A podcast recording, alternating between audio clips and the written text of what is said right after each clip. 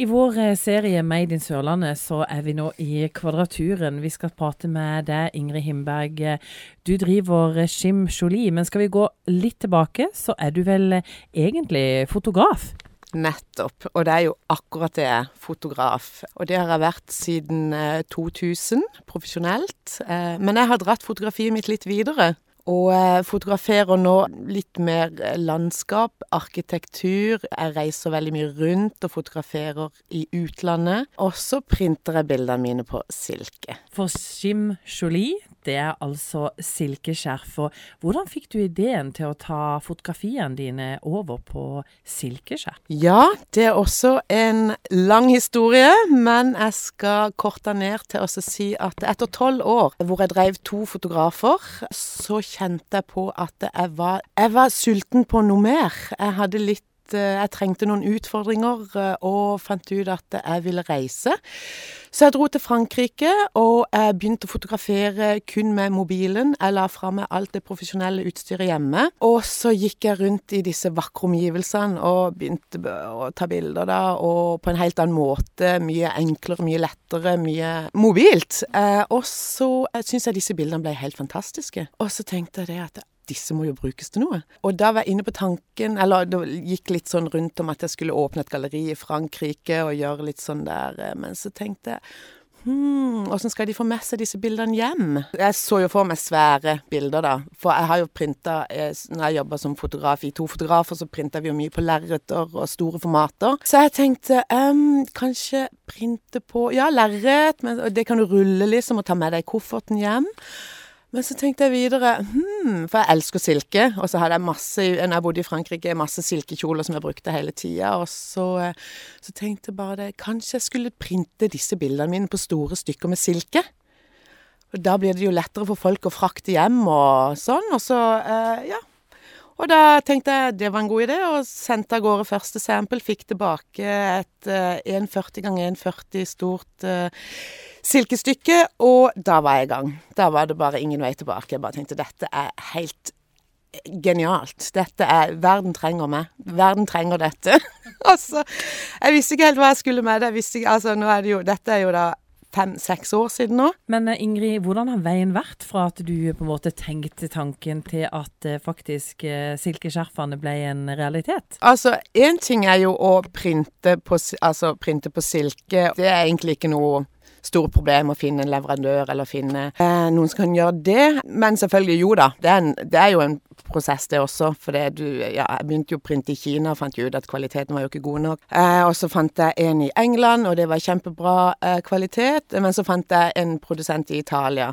Uh, og det var jo top notch, så det er jeg kjempefornøyd. Det, men det er jo altså på en måte enkle ting. Men det som er utfordringa i greia, er jo Eh, hvordan skal du få det kjent? Skal, hvorfor skal noen gå med, med ditt silkeprint, liksom? For, det, for det, alle kan jo printe på silke. Alle har jo kamera i dag, og alle kan jo gjøre det. Så derfor så har jeg jo jeg lagd et eget eh, Jeg måtte ta det litt videre, da. Så jeg har jo lagd et helt konsept rundt mine silkeskjerf. Så de har jo alle Er jo da unike bilder fra unike destinasjoner rundt om i verden. Eh, men så har jeg også i forhold til eh, bakgrunnen min i fotografiet og utstillinger, og hvordan du på en måte gjerne navngir kunsten din. Så alle mine silkedesign har jo et navn, de har en 結 tittel, og eh, de har en egen historie. Eh, så hvert eh, skjerf forteller jeg om Eller jeg liker egentlig ikke å kalle det skjerf, jeg kaller det eh, silkekvadrater. Det høres litt rart ut på norsk, hørte jeg nå. Eh, de har hatt mange navn, jeg er ikke helt sikker på. Jeg kaller de også body silks. Og alle har en sånn eh, historie fra hvordan det blitt tatt, og så litt mine tanker rundt en sånn positiv ting du skal tenke på da, når du går med det. Så de har alltid De har en sånn good feel. Og det er det jeg prøver å liksom eh, markedsføre og prøver å kommunisere. Men det er veldig vanskelig. For det er jo så mye i denne verden i dag. Det er jo så liksom Vi er overeksponert for ting og tang. Men jeg ser eh, at eh, jeg skal nok eh, komme igjennom med budskapet mitt.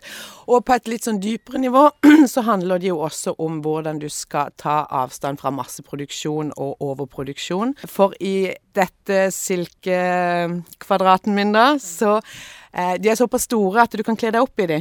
Og det er liksom blitt hele konseptet mitt nå. At du eh, kan style de fra et eh, elegant skjerf i halsen til et skjørt eh, og en kjole, eh, jakke, eh, ha i håret. Eh, masse forskjellige ting du kan bruke ett design til. Og de forandrer seg, for det bildet er jo Det har jo forskjellige farver og mønster og grafikk og så, så, derfor så Hvert hjørne er jo forskjellig, så når du snur og vender på de, så forandrer de seg. Så det er helt genialt på reise. Hvis du skal på en tur, så har du liksom alt i ett. Jeg driver nå også jobber også med en sånn presentasjon av konseptet som er veldig morsomt. Og der som jeg også viser og demonstrerer hvordan du kan bruke de, altså fra du går om morgenen til du uh, på stranda f.eks. hvis du er på ferie, til hvordan du kan gå på en gallafest uh, på kvelden i kun ett av mine design. Så det er helt genialt. Ja. Reisen er jo bare gøy. Eh, det er jo så spennende. Eh, alt det eh, Hva jeg møter på veien når jeg tør å gå ut og gjøre noe nytt og gjøre noe spennende. Og, men selvfølgelig, det er jo utfordringer, og det er jo veldig ensomt og alene, selvfølgelig. Men det er liksom når du har et, en sånn visjon som er da, så, så er det det som er drivkraften, og du bare ser hva det kan bli, og hvor gøy du har det på veien. Hvis du skal trekke fram et uh, par av uh, motivene dine på uh, de flotte skjerfene, hva vil du ha trukket fram da? Og altså Et spesielt motiv som jeg liker Altså Akkurat nå i disse dager så holder jeg på å Jeg samarbeider med faktisk Europas største classic car. privateide classic car-bedrift i NIS. Uh, og jeg har tatt bilder av bilene de sine.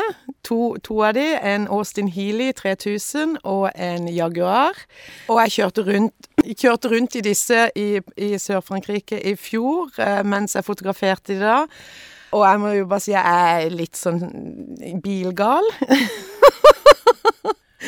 Elsker gamle biler, jeg elsker gamle ting. Jeg elsker det at ting blir tatt vare på, og, og, det, og det, går jo også igjen i mine design.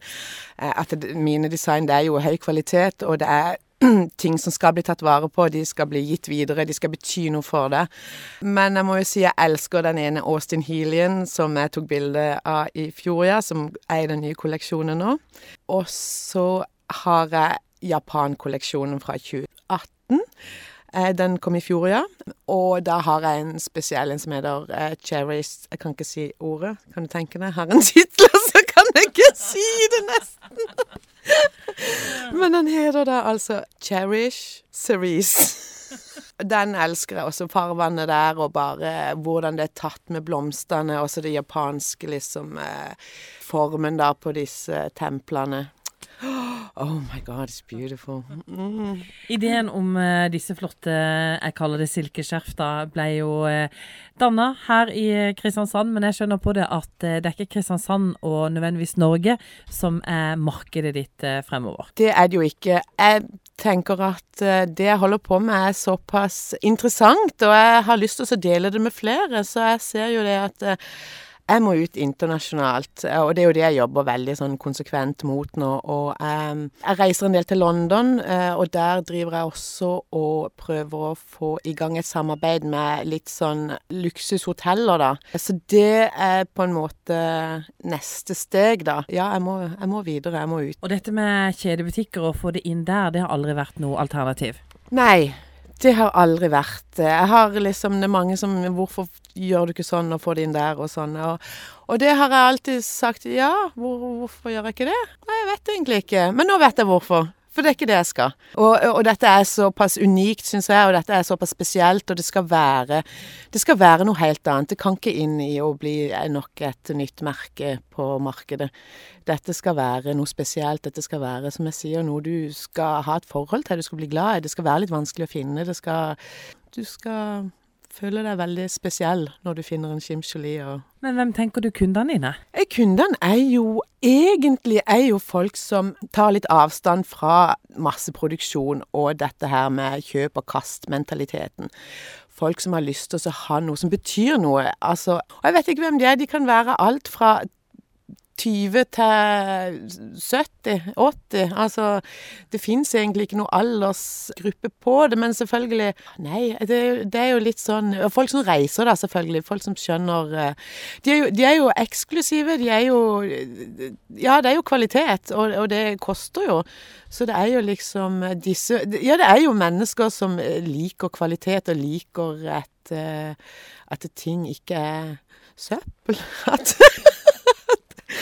at, at, de forstår Ja, så det er jo kanskje ja, litt folk som setter pris på ting. At ting varer, og at, du kan, at de har en verdi. Ja. Du hadde en eh, tanke, og tanken den har virkelig eh, vokst.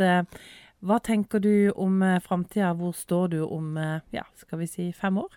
Å, det er et sånt der spørsmål som jeg bare ikke ikke vet hva jeg skal svare på. Hva er drømmen og, og håpet? Jeg er litt sånn der jeg, jeg, smaker av og til på sånn Drømmen? Ja, drømmen jeg, jeg tenker For meg handler det mer om visjonen. Og, for jeg drømmer egentlig ikke.